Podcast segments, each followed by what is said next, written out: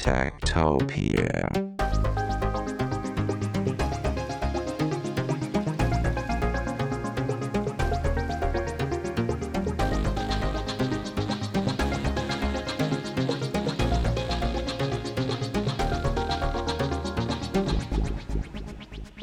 Tektopia er en podcast om mennesker og deres teknologi, udgivet af Ingeniørforeningen IDA i samarbejde med mediehuset Ingeniøren og China Experience, støttet af Innovation Center Danmark, IDA Forsikring og EUT Electronics of Tomorrow. Mit navn er Henrik Føns, og det er mig, der bestemmer i Tektopia. Tektopia.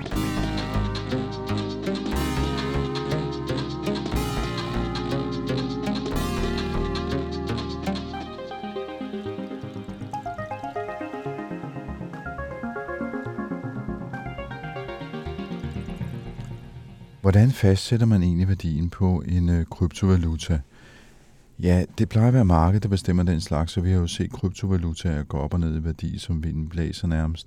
Så måske så skal man have en, øh, en anden måde at øh, værdisætte dem på. Og den anden måde, den er professor Jan Damsgaard fra CBS Copenhagen Business School øh, kommet op med, og han har skrevet et paper om den, og så er han i øvrigt også forfatter til bogen Blockchain Business, som øh, jeg har øh, her foran mig. Og det er så heldigt, at jeg faktisk også har Jan Damsgaard foran mig. Ja, det er rigtigt. Så jeg sidder på Institut for Digitalisering. Jeg er uddannet datalog, og mit store interesse det er krydsfelt mellem forretning på den ene side og IT øh, på den anden side.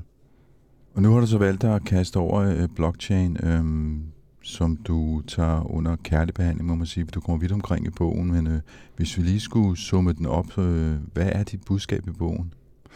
Jamen det, det er, det er vel, at øh, blockchain øh, er en rigtig spændende ny teknologi, og øh, desværre så har det her med kryptovaluta ligesom øh, skærmet for de fantastisk mange muligheder, der ligger i blockchain. Og det jeg prøver at gøre med bogen, det er ligesom at trække blockchain-delen ud og vise, hvordan man kan bruge det i erhvervslivet til at sikre øh, ægthed, til at sikre autentifikation, til at sikre sporbarhed og også herkomst af produkter. Og sidst men ikke mindst, også hvis man vil lave et klimaaftryk øh, eller en klimakonto for sine produkter, så er der næsten ingen vej udenom den her blockchain-teknologi. Så den øh, ser du store muligheder i. Hvis vi lige skulle for dem, som øh, måske ikke lige kan huske, hvad blockchain er, det kan være lidt indviklet at forstå. Kunne du lynhurtigt forklare, hvad er en blockchain? En blockchain skal man egentlig tænke på som internettets bogholderi. Det er et fælles bogholderi, som er distribueret på mange hænder. Og det vil sige, at øh, mange øh, har adgang til at lytte med i, hvad der sker i den her øh, bogholderi, men kun den, der ejer et produkt, har retten til at føre ting derind. Så øh, det, der er med den her øh, internetbogholderi, øh, bogholderi, det er, at man kun kan skrive i den, man kan ikke slette i den, og man kan ikke rette i den. Så det giver nogle fantastiske muligheder. Og hvordan er det med transparens? Kan man se, hvad der er i, den her, i det her bogholderi, eller hvordan er det? Altså privatliv og så videre. Ja, så, så, men der findes forskellige typer af blockchains, men dem, der er mest almindelige, øh, det er fuld transparens. Det vil sige, at alle ved, hvem der ejer hvad, og hvornår de sidste er blevet handlet. Når man nu siger blockchain, så øh, tænker de fleste sikkert også øh, bitcoin, kryptovalutaen, som jo, hvad skal man sige, går op og ned i værdi hele tiden, og som nogen vil sige er et stort øh, svindelnummer. Når du sidder til et middagsselskab, og nogen så siger det til dig, hvad svarer du så? Så siger jeg, at, øh, at øh, en del er jo øh, hele kryptovaluta-cirkuset, som, hvor folk uden meget forstand på det jo investerer svimlende summer og taber svimlende summer. Men det, man skal prøve at gøre, det er at se bort fra den del af blockchain-teknologien, og så se på, hvad kan blockchain i virkeligheden bruges til. Og det, der er med de her kryptovalutaer, det er jo, at det er dem, der er krumtappen i at få en blockchain til at fungere. Fordi det er den måde, man betaler de her revisorer, internettets revisorer eller blockchain-revisorerne, for at holde den her øh, internettets øh, bogholderi ved lige. Det er dem, der tjekker og sørger for at føre tingene ind, og de skal betales, og den eneste måde, vi kan betale dem på, det er via kryptovaluta. Så man kan ikke rigtig sige blockchain uden også at sige kryptovaluta, men for mig så er den store attraktion, det er blockchain, og så er kryptovaluta blot et hjælpemiddel, et smøremiddel, der får blockchain til at fungere. Nu snakker du om revisorer. Det er det, man normalt kalder for miners, ikke? Altså hvis det er bitcoin, så er det bitcoin miners. Det, det er bitcoin miners, ja. Dem, der, der laver bitcoins på deres, i deres store computer server centre. Ja, men de sørger også for at føre øh, de her øh, transaktioner til protokols og tjekker, at det er dit, øh, dine at bruge, og øh, sørger for, at den er sund og rask, øh, den her blockchain. Og det skal de jo selvfølgelig have betaling for. Det får de betaling for via kryptovaluta, og som du er inde på øh, med bitcoin, så får man, øh, hvis man øh, er heldig og vinde i det her vedmål om at finde øh, den øh, rigtige kode, jamen, så bliver man belønnet med 6,25 bitcoin. Som øh, er hvor meget værd i dag? Og nu har jeg ikke tjekket her til morgen, men den ligger vel omkring et par 20.000 amerikanske dollars, og dollaren er jo ret høj, så det er 175.000 kroner gange 6, øh, det ved jeg ikke, det er øh, en million, lidt over en million. Ja, det er jo en chat. Det er jo en chat. Det er så, hvad skal man sige, den præmie, som de her revisorer, de konkurrerer om, når de skal verificere en transaktion på en øh, blockchain. Ja, og det der er, det er, at øh, en af udfordringerne, det er jo, at for at en blockchain skal være ukorrumperbar, så skal vi have rigtig mange af de her øh, revisorer eller de her miners til alle sammen og øh, arbejde med den her blockchain, fordi det er den måde, man sikrer sig på, at ingen kan bemægtige sig kontrollen over blockchainen eller bogholderiet, og på den måde begynde at indføre illegale transaktioner eller begå ulovligheder. Og nu kommer du ind på lidt, hvordan det er struktureret, fordi hvis man skal forstå det med blockchain, der er jo mange forskellige blockchains. Mm-hmm. Altså, hvordan, hvordan hænger det sammen så? Så der er mange forskellige blockchains, øh, og det man egentlig skiller mellem, det er jo private blockchains og øh, åbne blockchains, øh, eller public blockchains. Og de private, det er en klub af folk, der allerede kender hinanden, der vælger at gå sammen og benytte sig af blockchain-teknologien, men den har altså ikke det her med kryptovaluta øh, fordi de jo alle sammen er med i klubben, så betaler de som regel et øh, medlemskab øh, for at være med i klubben, og det er den måde, man betaler på i, i, i de lukkede blockchains. Mærsk øh, TradeLens øh, er øh, en, en lukket klub, hvor at dem, der er med der, de betaler en afgift for at få lov at være med. De åbne der skal vi jo have nogle folk til at være med. Vi skal skabe et miljø, vi skal skabe et community omkring den her blockchain, og øh, det gør man bedst ved, at det er attraktivt set fra økonomisk synspunkt øh, at kunne deltage i det her. Og den måde, vi gør det på, det er, at øh, vi belønner dem, der deltager med muligheden for at vinde kryptovaluta. Og det de så håber på, det er jo, at den her kryptovaluta bliver værdifuld hen ad vejen, så at øh, den investering, eller de, de, de præmiepenge, de har fået, øh, stiger i værdi. Nu nævner du de private og de åbne. Øhm, altså, man kan godt forstå, at Mærsk har en blockchain, hvor de foretager sådan nogle ting. Det vender vi tilbage til, det der med, hvad virksomheder egentlig kan bruge dem til. Mm-hmm. Men de åbne, hvad laver man der? Jamen det er stort set øh, det samme, men øh, uden styring af nogle centrale aktører. Så, så, så det er egentlig et bogholderi, som er et fælles åbent bogholderi, hvor alle kan benytte sig af den. Så, så hvis man ønsker at få ført noget til protokols, øh, så at alle kan øh, verificere, at den her transaktion har fundet sted, jamen så vil man som regel bruge en åben blockchain, og det er også det, der er mest attraktivt for mange små og mellemstore virksomheder. Og de åbne blockchains, det er så dem, som øh, benytter sig af flere forskellige typer kryptovaluta. Ja, hver, hver blockchain har sin egen kryptovaluta, fordi den ejer jo, den har kun kontrol over den blockchain, den er skabt med. Og det er derfor, vi så støder ind i øh, kryptovalutaer, som, som ikke hedder Bitcoin, men hedder Ether for eksempel. Ether, eller, Ripple, eller Sol, eller Cardano, eller ja, File uh, Coins og, og så videre.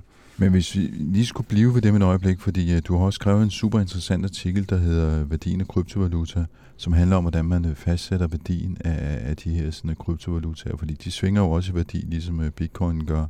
Måske ikke helt så meget, men uh, de gør det der alligevel, at nogen bliver værdisat meget højt. Så hvordan bærer man så ad med at finde ud af, hvad er værdien af sådan en kryptovaluta?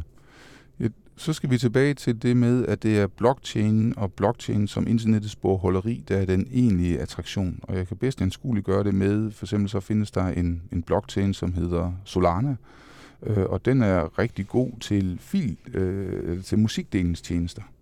Så, så det, jeg argumenterer for i artiklen der, det er, hvis man skal forsøge at forstå, om Solana-blockchain har en oppustet værdi, så må man gå ind og se på, hvor stort er markedet for øh, musikdelingstjenester. Der sidder Spotify, der sidder Deezer, der sidder Tidal, der sidder Apple Music osv. De har alle sammen en, en bestemt værdi.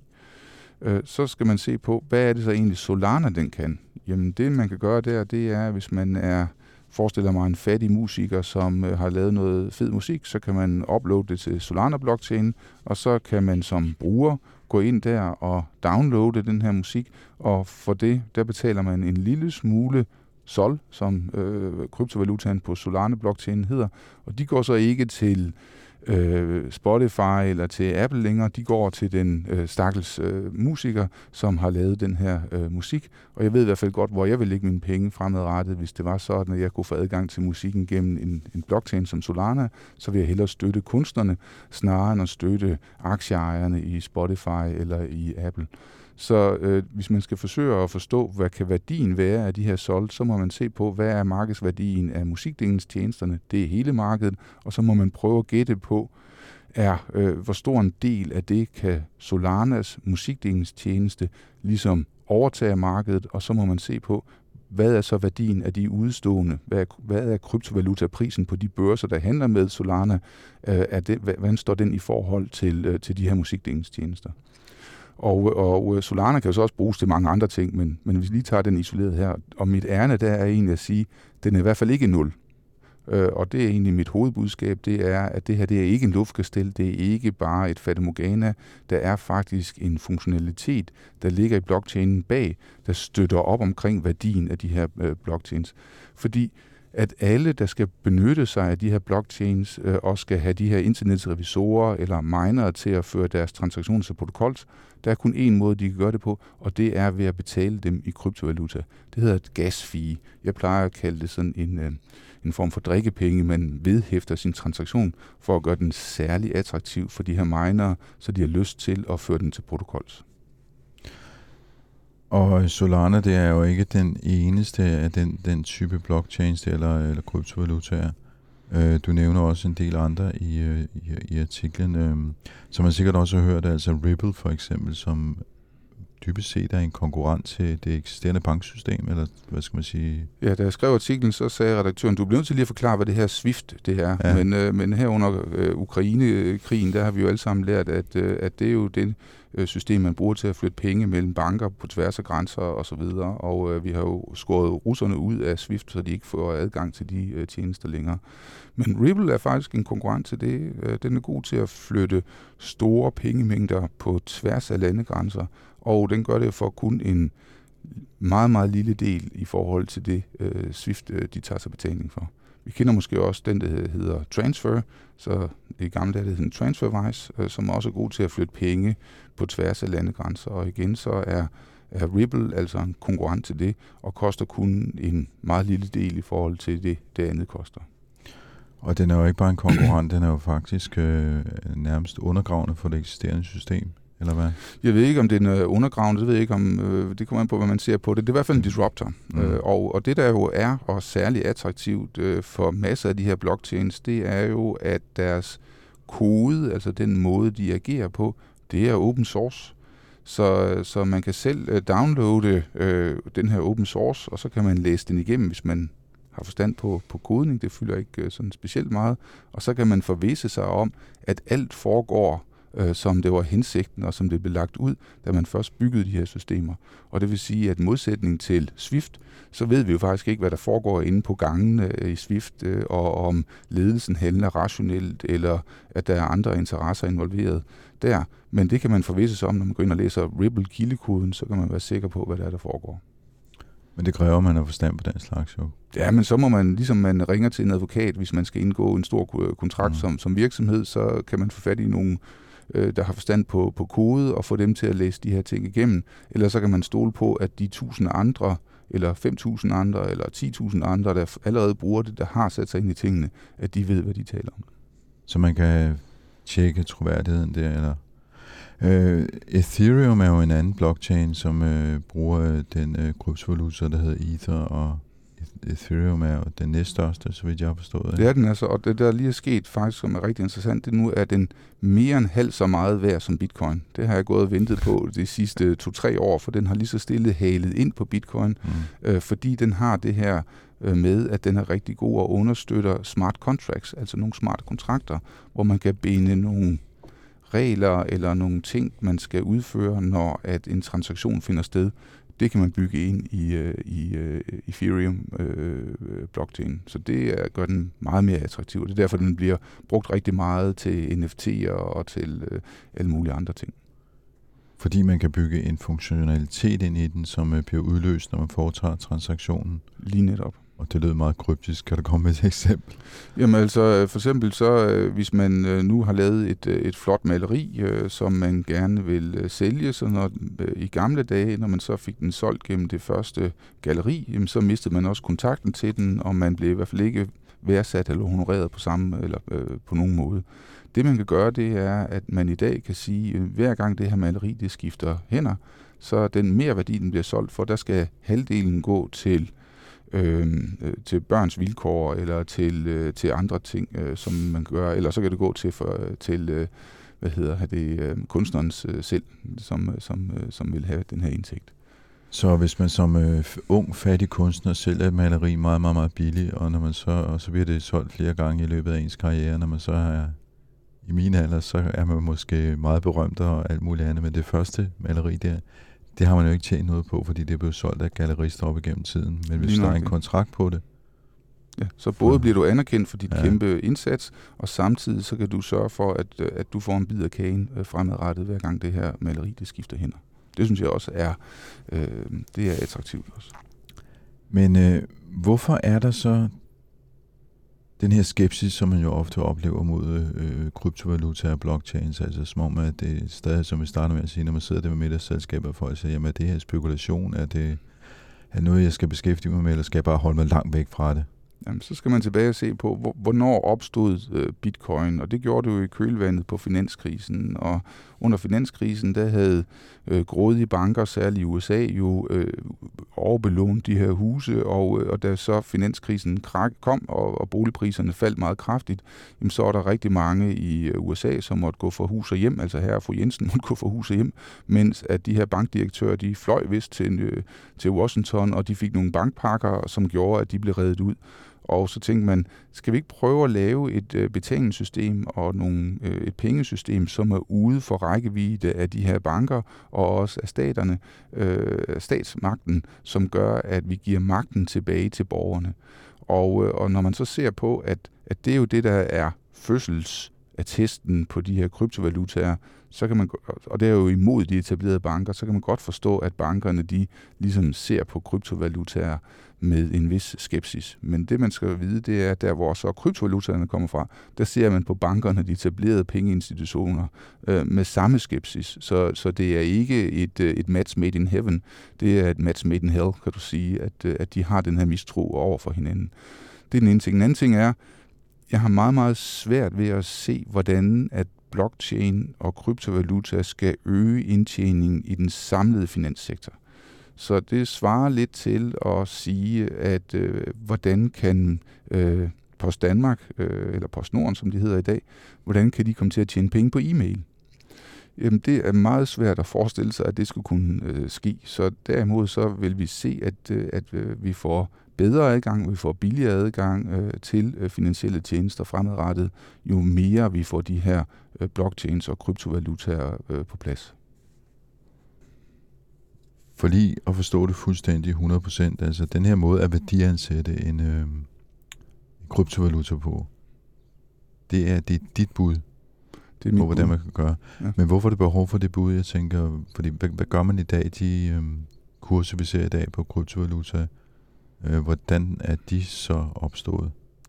De øh, kurser, vi ser på kryptovaluta i dag, de opstår på den måde, at der er nogen, der gerne vil købe, og der er nogen, der gerne vil sælge. Så de, øh, det er en fri prisdannelse. Det der er, det er, at man ikke ligesom kan se, hvad der ligger bagved. Og det er derfor, at masser af de her, det minder egentlig lidt om et, øh, et råvaremarked, hvor man begynder at forsøge at sælge strandskaller, eller man forsøger at begynde at sælge andre ting, hvor der ikke rigtig er nogen øh, værdi bag. Så, så hvis man går ind og ser på valutaer, hvad de egentlig er værd, så, øh, altså nationalvalutaer, så er det jo fordi, de er udstedt af en nationalbank. Det er en stat, der er bag. Det er retten til at beskatte for eksempel danskerne, som jo er ret værdifulde. Vi har et højt skattetryk her. Og så er det også øh, nogle realaktiver. Altså Danmark har jo stadigvæk nogle ton guld liggende i USA, og vi har også nogle valutareserver. Det er alt sammen det, der giver rygstød til den danske krone. Og når man går ind og ser på en kryptovaluta, så har den ikke nogen af de her karakteristika. Den har ikke nogen stat bag, den har ikke nogen national øh, bank, den har ikke nogen realaktiver, aktiver, den har slet ikke nogen beskatningsret. Så derfor så folk, der bruger den traditionelle formel for, hvad er en krypto, eller hvad er en valuta værd, de kan ikke komme til anden nul, hvis man bruger de her måder at tænke på. Og det jeg siger, det er, at den forudsætning er forkert. Det er ikke den måde, man skal værdisætte en kryptovaluta på. Man skal værdisætte kryptovalutaen på, hvad dens blockchain kan lave af funktionalitet, og så skal man se på, hvilket marked er det, den blockchain kan gå ind på, øh, og hvor stor en del af det marked kan den måske bemægtige sig. Og derfor så, og det må jo nødvendigvis være større end 0, øh, og derfor så har kryptovaluta en værdi. Så må vi se hen ad vejen, fordi lige nu, vi ser det ikke så meget, men under overfladen, der bliver udviklet rigtig mange af de her apps, de-apps, decentralized apps, hvor at man altså bygger på blockchain, øh, musikdelingstjenester, øh, hotels.com, Facebook, øh, LinkedIn, øh, alle de her ting, øh, kan man lige så godt bygge på en blockchain, metaverse øh, osv. osv.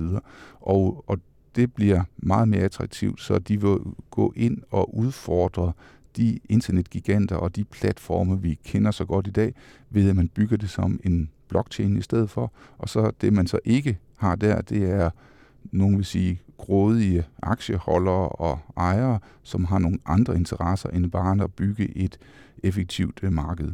Og øh, der i hvert fald som udgangspunkt har man mulighed for at gøre det her. Lad os nu se, hvordan det så manifesterer sig øh, hen ad vejen, om, om det bliver øh, en blockchain, eller det bliver nogen, der ejer den her blockchain, der kommer til at tjene pengene på øh, den del af det marked, som den faciliterer. Det man i hvert fald kan sige, det er, at omkostningerne, ligesom platformene gør det, øh, for at transagere i et marked, de vil være stærkt aftagende. Så det er virkelig en værdien af platformen, man kigger på. Ja. Men den her idé, er, du alene om at have den idé, eller er der mange mennesker ude i verden, der har den idé til at uh, værdisætte en, uh, en kryptovaluta? Altså den artikel, som du, du nævner der, den, øh, den har jeg også lavet i en engelsk version, som, mm. øh, som du eventuelt kan linke på på Artektopia. Mm. Og, og den er blandt de 10 mest downloadede på krypto valuta journal, Journal of Cryptocurrency. Så, så det er jeg jo super glad for. Så det ser ud som om, at det, øh, at det giver genlyd derude. Og øvrigt som en kuriositet, jeg er jo forsker, jeg vil jo gerne have de her ud i via anerkendte kanaler, men det har jeg altså haft svært ved at komme igennem med. Øh, så, så det her, det ligger altså på sådan en uh, open source uh, sted, hvor at, at man kan få lov at lægge uh, de her ting op. Altså kan jeg jo ikke lade være med at spørge, hvorfor har du haft svært ved det? Altså hvad, hvem er det, der spænder ben, og hvorfor? Ja, fordi at det måske, øh, nogle gange så kan det være en ubekvem sandhed, man kommer med, og, og øh, hvem er det, der står til at få gavn ved, at den her øh, udvikling øh, finder sted. Så, mm. så, så, så det er måske en af årsagerne til det. Men den her måde at værdiansætte på, den bliver så mere, hvad skal man sige, gængs. Øh, jeg, jeg, bare ikke være med at tænke på, fordi når man kigger på, altså bitcoin er så den kryptovaluta, man, der, hvad skal man sige, er mest værd lige nu, men øh, hvis man bruger din værdiansættelsesmodel, så burde bitcoin jo være mindre værd end de andre. Ja, så, så det irriterer mig også altså øh, frygtelig meget, men det er den her bitcoin, som den er den første, den er den største, og, og det den faktisk er ved, det er jo bemægtige sig positionen som det, man vil kalde en universel værdiopbevaringsmedium, ligesom guld. Så, øh, så hvis man går ind og ser på funktionaliteten af guld, så burde det jo i mine, følge mine beregninger være det, der skulle værdiansætte øh, Øh, guld. Men øh, den bliver jo kun brugt i tandlægebranchen og i elektronikbranchen i meget lille omfang, og det er jo ikke det, som ligesom mm, bygger guldets værdi op, så det må være noget andet. Øh, og det er det samme, vi ser med bitcoin. Bitcoin er utrolig øh, øh, populært i forhold til værdiopbevaring, så, så rigtig mange lande, altså man kommer til hyperinflationsområder. Det de gør, det er, at de flytter pengene ud i bitcoin, fordi så har de da øh, sikret deres øh, penge på, på en øh, måde. Hvis man går til El Salvador, så har de jo indført den som øh, national valuta. Og det var jo, øh, og det er jo en præsident derovre, han er jo han er lidt tosset. men øh, men, øh, men øh, ideen er faktisk god nok, fordi at der findes øh, 6 millioner El Salvadoranere, og dem der arbejder de 2 millioner i USA. Og hver måned, der sender de jo øh, penge hjem til deres øh, fattige øh, familiemedlemmer øh, tilbage i El Salvador. Og det betaler de omkring 12-14 procent af de penge, de sender hjem Det betaler de øh, i gebyr for det. Og det, man har lavet, det er jo en mobile pay-lignende ting, hvor at øh, familiemedlemmerne i USA kan flytte pengene over fra dollar til bitcoin.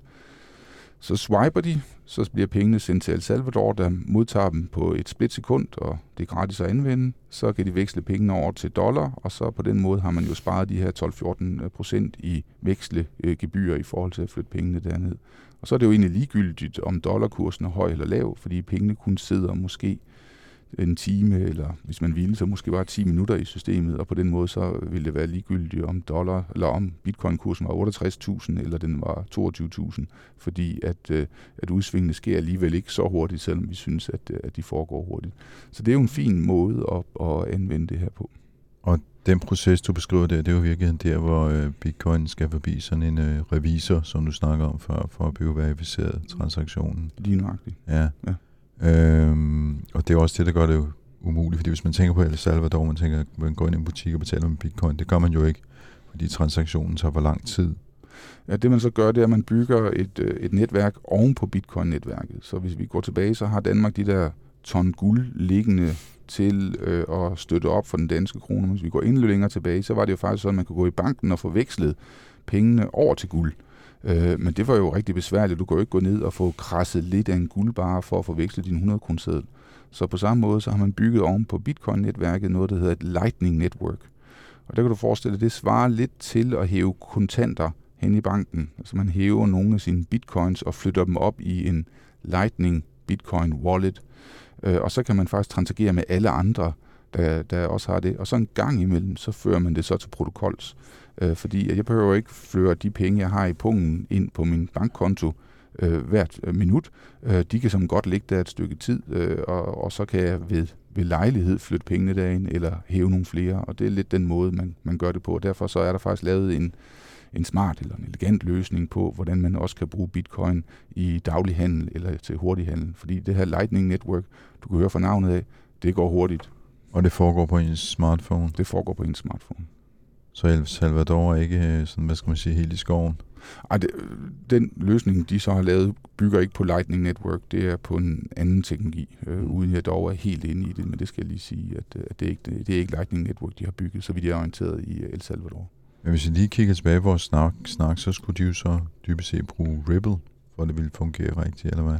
Nej, ikke, altså ligesom guld, så er det jo efterspørgselen, ja. Øh, der gør det her, og, og nogle af attraktionerne ved bitcoin, det er jo, at den er først og størst, og at der kun kommer 21 millioner af dem, og at uh, rigtig mange, uh, også investeringsbanker og investeringsforeninger i USA og andre lande, de efterhånden har de her 3-4 procent af deres øh, portefølje investeret i bitcoin, og det, når så mange har det, jamen, så får det en værdi i sig selv. Så derfor tror jeg ikke, vi skal afskrive bitcoin. Altså det har jeg prøvet at gøre flere gange. Altså den bliver ved med at dukke op øh, hele tiden, fordi at øh, ifølge min overbevisning, så bør den jo ikke være der. Den bruger også frygtelig meget strøm og, og så videre, og så videre. Men altså det er ikke altid, at verden øh, fungerer helt rationelt. Hvis vi lige skulle runde det med strøm, for det er også noget, man tit bliver spurgt om, at øh, det er ikke særlig klimavenligt med øh, kryptovaluta og blockchain, men det er kun bitcoin, der er slem. Altså de første øh, blockchains, der kom, de brugte en måde, hvorpå man verificerer de transaktioner, der kommer ind i bogholderiet på. Det hedder proof of work. Og der skulle, der skulle laves et stykke arbejde for at flytte de her øh, transaktioner ind. Og, øh, og det er jo øh, der, hvor man kan egentlig tænke på det ligesom med øh, imitageløbet, at, øh, at øh, der stiller 20.000 op til start, øh, men øh, i det øjeblik, der kommer en ind og har vundet, så afblæser man løbet, og så kan alle gå hjem. Men det betyder jo ikke, at de 19.999 andre løbere ikke har udført et stykke arbejde, men det arbejde er bare spildt. Så det var den måde, den strategi, man brugte for at øh, verificere de transaktioner, der gik ind i en øh, bitcoin-løsning, og også øh, nogle af de andre store øh, øh kryptovalutaer er bygget op på samme måde. Men det, de alle sammen er på vej over til, undtagen bitcoin, det er proof of work, hvor man siger, hvis du skal stille op til, til imitageløbet, så, så skal du altså lige øh, kunne løbe øh, turen på under en time. Og det ved jeg ikke, det ekskluderer i hvert fald mig fra at skulle løbe. Så, så på samme måde så siger man, hvis du ikke ejer for eksempel 20 IFA, så kan du slet ikke få lov at stille op her, fordi at øh, dem, der har en stake, dem, der har en andel af de her kryptovalutaer, det er også dem, der har den største interesse i at have et velfungerende, sundt øh, bogholderisystem. Så man skal ligesom vise, at man har gjort en indsats, at man har de her 20 øh, IFER for at få lov at stille op. Så lad os bare sige, at i stedet for 20.000, så er vi nede på øh, 1.000, øh, der kan løbe, der har de her 20 øh, IFER til at demonstrere det. Så trækker man lod mellem de her øh, 1000 øh, personer, og, øh, og så øh, lige inden pågældende starter med at løbe, så skal pågældende deponere fire IFER i startgebyr. Så løber pågældende turen og øh, kommer i mål, og, øh, og har fundet den her kode, og får udbetalt kun én ether. Og de fire andre, dem beholder vi lige lidt længere, øh, og så over de næste dage, når vi finder ud af, at pågældende ikke har snydt øh, og skåret nogle hjørner af på løbeturen, så udbetaler vi, så drøber vi de sidste fire IFER tilbage til pågældende. Det, hedder, øh, øh, det er en anden måde at gøre det på, øh, som, øh, som hedder Proof of Stake, øh, og, øh, og det er den måde, øh, de alle sammen er på vej over til. Øh, IFA skifter faktisk her 15. september til Proof of Stake i stedet for Proof of Work. Og det var derfor blandt andet også, jeg tror, at vi har set det her, at nu er I for næsten halvt så meget værd. Nej, de er faktisk mere end halvt så meget værd som, som, øh, som bitcoin. Så, så, og så bruger man jo ikke nogen nævneværdig strøm, så du kan se i det her tilfælde, i stedet for 20.000 mennesker løber og puster afsted, så er der kun én, der løber. Og det er lige så sikkert i forhold til at validere den her øh, bogholderi. Så med det kan man også sige, at de her teknologier, de er jo ikke sat i sten endnu. De er under fortsat øh, udvikling, og, øh, og derfor så vil vi også fremadrettet se, at der vil komme nogle justeringer. Og det her, det er jo rigtig glædeligt, fordi at det strøm, som Bitcoin bruger, er jo helt øh, horribelt meget. Øh, og det, der så er udfordringen for den anden version her, det er jo, vi er nødt til at lave et system, så de her Bitcoin eller Ethereum minere, at de ligesom har lyst til at være med til at vedligeholde det her bogholderi. Så vi kan ikke bare fjerne alle pengene. Øh, så øh, det man gør i Ethereum, det er, at man lægger det her, de her drikkepenge ved, det her gasfi ved, og det er den måde, man betaler på. Så, øh, og det skal jo have en, en vis øh, værdi øh, for de her miner, fordi de sætter de her øh, computerkræfter til rådighed. Men det her gasfee, er, er der ikke noget med, at når der er rigtig meget tryk på, øh, på, på blockchain, så stiger det, så bliver det dyrere at, øh, at lave transaktioner? Ja, det er udbud og efterspørgsel. Ja. Så, så en af de udfordringer, der blandt andet har været ved IFA, det er, at antallet af transaktioner, den kunne gennemføre, øh, er jo fast. Man kan simpelthen ikke nå at, at registrere flere ting. Og, og, og det har gjort, at det gasfee, man skulle lægge til, blev større og større, og samtidig så blev IFA jo mere og mere værd, fordi der var flere og flere øh, virksomheder og andre, som ønskede at få ført deres øh, transaktioner til protokols. Og øh, det man så fra IFA gør, det er, eller fra Ethereum, det er at udvikle blockchainen, så at den kan håndtere flere transaktioner, øh, og også sørge for, at det bliver et kendt lavt fee øh, for at føre den her transaktion igennem. Danske Concord, de har taget øh, øh tyrene ved hornene her og sagt, jamen vi laver et fast transaktionsfee, øh, som aldrig kan være mere end en halv euro.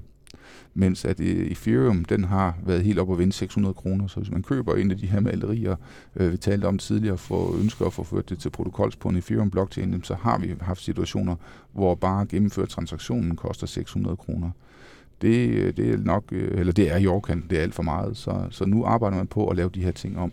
Og, øh, og det er jo øh, øh, glædeligt, øh, at de kan gøre det. Vi ser ikke det samme ved, øh, ved bitcoin. Altså, øh, så der har været, altså bitcoin er jo den, der har været fem eller seks forsøg på at lave en forbedring af bitcoin, og ingen af dem har ligesom vundet anpas. Vi har bitcoin gold, og vi har bitcoin cash, og vi har øh, forskellige andre øh, afarter af bitcoin, som alle sammen er blevet kommet frem som, øh, som øh, forbedringer, men som ikke er blevet ført til masseadoption på, på markedet, hvor at man ligesom, hvor øh, de her internettets revisorer har sagt, at vi hopper simpelthen over på og bruger den nye. Nej, bitcoin fortsætter ufortrødent, og det er derfor, jeg tror ligesom Mark Twain, at øh, er ikke noget med, at øh, historien eller for, øh, beskrivelser om min øh, død er, øh, er stærkt overdrevne. Stærkt overdrevne. så, ja. så, så, så jeg tror, at bitcoin har vist sig at være meget øh, robust. Men der kommer en masse andre blockchains, og det er der jo allerede, kan man sige. Mm. Øh, hvis vi, øh, inden vi runder helt af, skulle lige kigge lidt på det, du var inde på øh, tidligere, faktisk i begyndelsen, hvor du nævnte Tradelands, mm-hmm. som er Mærsks øh, blockchain. altså blockchains internt i virksomheder eller i offentlige sammenhæng. Hvad, hvad, hvad, hvad, hvad er det for en størrelse, om man så må sige? Jamen, der bruger man, man udnytter det her med, at, øh, at, øh, at man øh, gennem kryptering øh, faktisk skal have øh, delte data, uden man kan kigge hinanden over skulderen. Og det vil sige, at øh, konkurrenter, som, øh, som øh, med, der konkurrerer med Mærsk, jamen de kan bruge samme system som Mærsk, uden at det giver Mærsk nogen øh, øh, særskilt konkurrencemæssig fordel ved, at de kan kigge ned over skuldrene og se, hvad de andre de laver, og så tænke, hmm, det ser ud som, vi også skal have lidt flere både flyttet til, øh, til Shanghai, fordi at der ser ud til at være et, øh, et spike i, i, i øh, salget der.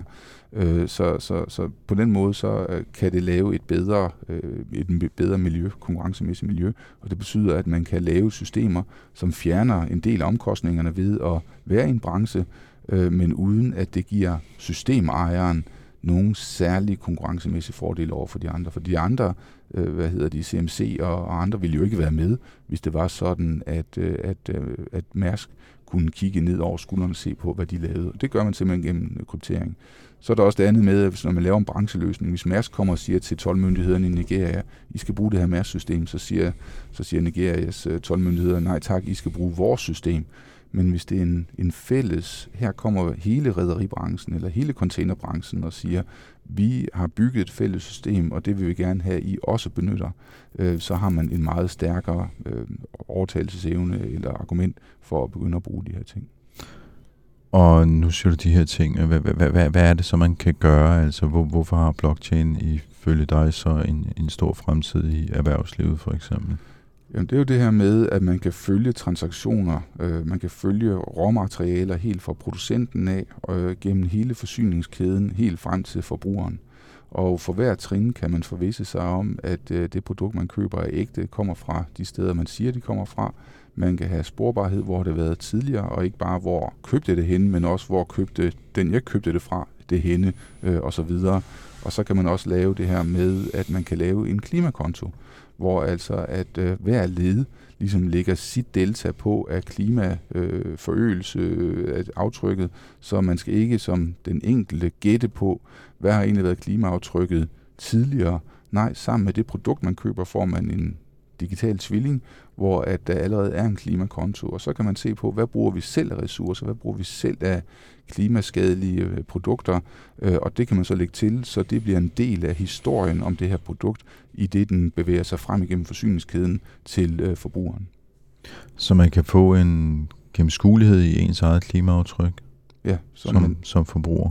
Eller som virksomhed for den sags skyld? Som forbruger, øh, men også som virksomhed selvfølgelig. Altså hvor at man øh, tidligere skulle gætte sig på, gætte sig til, hvad der har været af tidligere miljøpåvirkning, jamen så får man her, sammen med de produkter, man køber, en digital tvilling, hvor en af dem er, øh, hvad har været det hidtidige klimaaftryk, og hvem har egentlig afstedkommet det klimaaftryk tidligere forsyningskæden.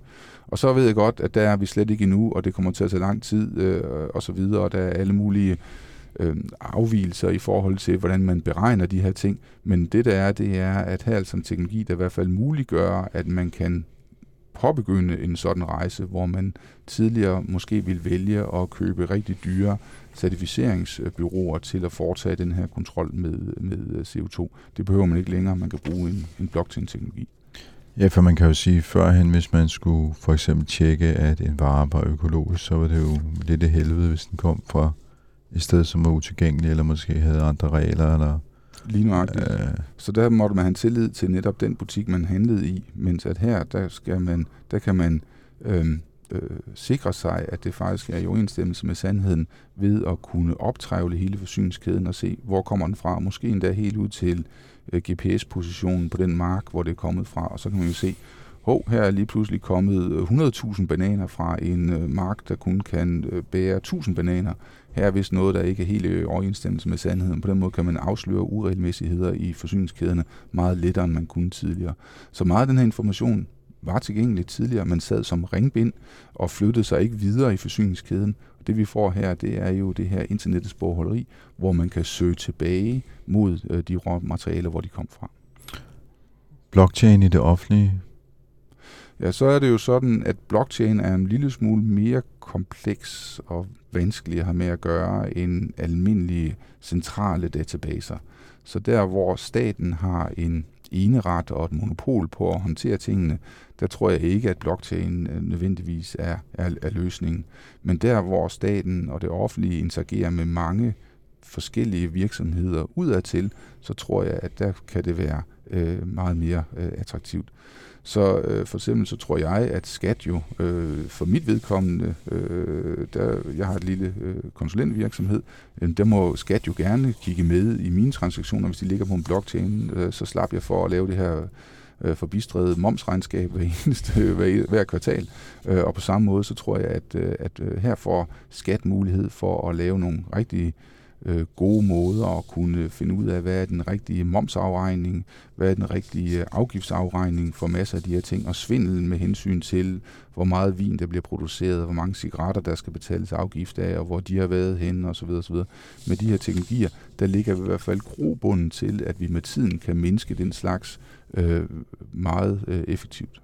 Her til allersidst, så øh, når jeg nu har dig i studiet, og du har skrevet bogen her, Blockchain Business, så kunne jeg egentlig godt tænke mig en status på noget, jeg lå og lave lidt øh, podcast om sidste år, nemlig øh, decideret, øh, hvad hedder det, digitale valutaer, som er udstedt af centralbanker.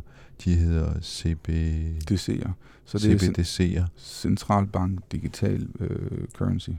Kina har jo lavet sådan en. Ja, EUN, ja. Og, øh, og Jack May, han øh, fik at vide, at Alibaba de skulle stoppe deres arbejde med at lave deres egen øh, digitale valuta.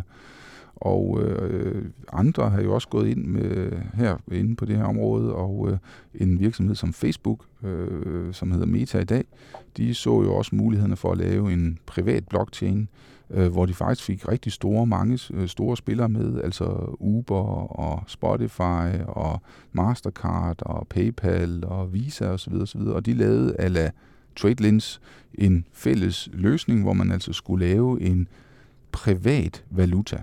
Og, øh, og det skal jeg lige lov for, at det fik øh, øjenbrynene til at ryge op i panden på den øh, amerikanske Federal Reserve Bank, øh, men også den europæiske centralbank. Fordi de kan jo godt se, at, øh, at flere, altså danskerne går jo ikke med kontanter længere, og rigtig meget elektroniske øh, betalingsmidler osv., så, videre. så skal vi have noget, der ligesom erstatter det.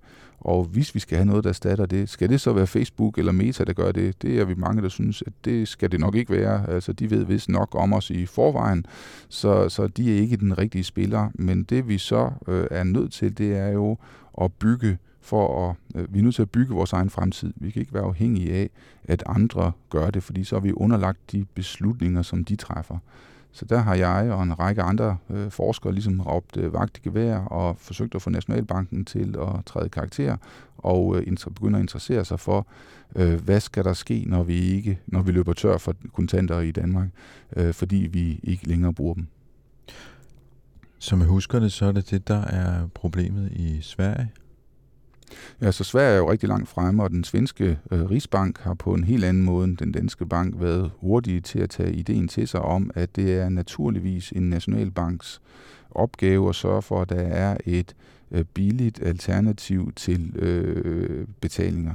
Så, så, øh, så øh, i Danmark, der siger man så, jamen der har vi jo dankortet, og vi har også øh, MobilePay, og det er også to øh, fantastiske øh, stykker øh, betalingsinfrastruktur, men de er altså ikke under danske, på danske hænder længere.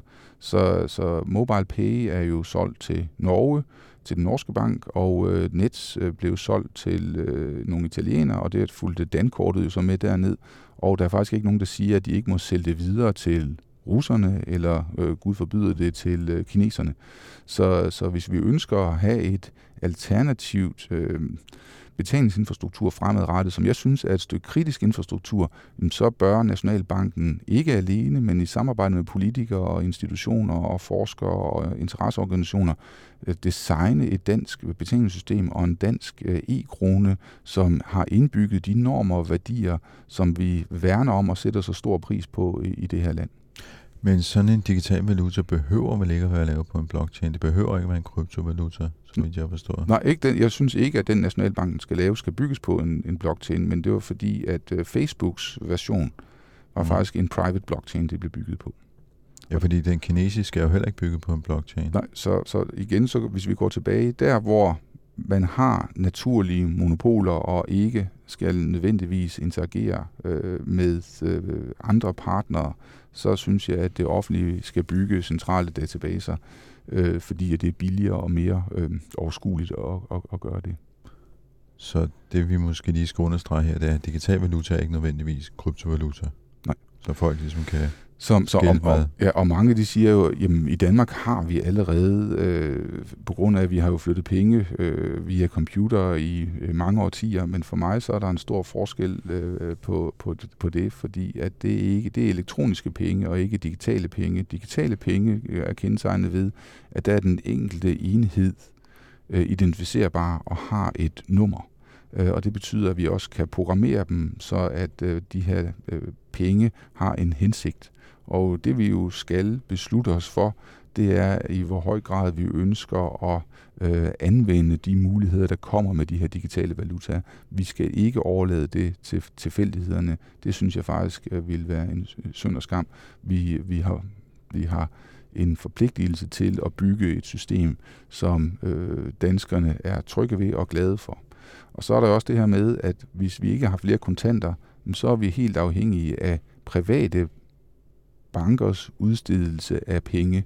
Så det er jo ikke Nationalbanken, der udsteder penge i det her land. Det gør de jo bankerne, når de giver dig et lån til at købe en bil, eller giver dig et lån til at, øh, til at købe et hus. Så har de noget indlån, som ligesom står garant for det udlån, de har. Men altså, det er der, pengeskabelsen øh, sker. Og, øh, og, øh, og det er jo godt nok, og det, har, det virker godt og så videre. Men skal vi ikke have et alternativ? Det tror jeg nok, at, øh, at vi er en del, der synes, at det, det bør man i hvert fald overveje meget nøje. Og, og det skal være en meget øh, oplyst øh, beslutning, at vi ikke ønsker det. Øh, fordi at, øh, at, øh, at kontanterne er altså på vej ud, og så står vi i en situation, hvor at, øh, at vi øh, ikke selv er herre i eget hus. Men man er også ret langt fremme i en digital euro. Ja, så den europæiske centralbank arbejder med en digital euro, så hvis man fra Nationalbankens øh, side ønsker at indføre euro, så kan man gøre det, hvis man ikke sørger for, at der er et attraktivt øh, alternativ til en, en øh, e-euro, øh, når den kommer ud i, jeg tror det er et par år til, man begynder at arbejde med den, så, øh, så, øh, så er man da sikker på, at der er ikke nogen, der gider at have kroner længere. Og, så, og det synes jeg vil være ærgerligt, når vi nu har valgt, at vi ønsker at have en national valuta, der hedder en dansk krone i det her land. Jan Damsgaard, øh, tusind tak, fordi du kom i Tektopia og forklarede, hvordan man værdiansætter kryptovaluta og hvordan blockchain i virkeligheden fungerer, og så lige lidt om digital valuta også her.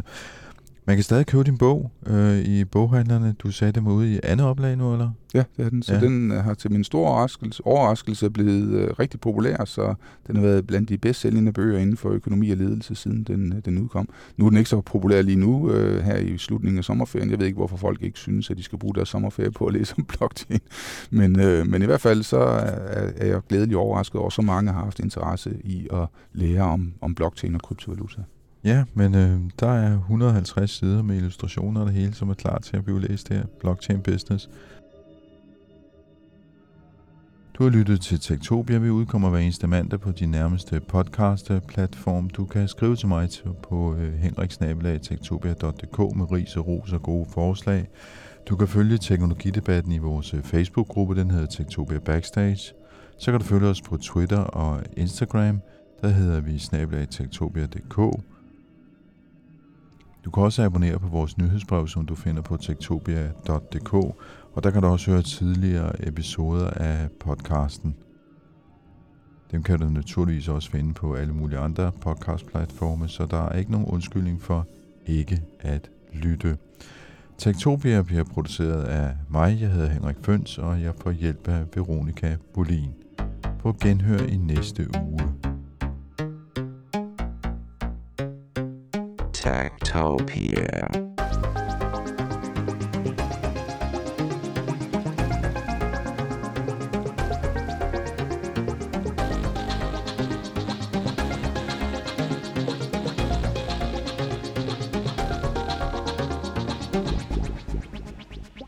Tektopia er en podcast om mennesker og deres teknologi, udgivet af Ingeniørforeningen IDA i samarbejde med mediehuset Ingeniøren og China Experience, støttet af Innovation Center Danmark, IDA Forsikring og EUT Electronics of Tomorrow. Mit navn er Henrik Føns, og det er mig, der bestemmer i Tektopia. Tektopia.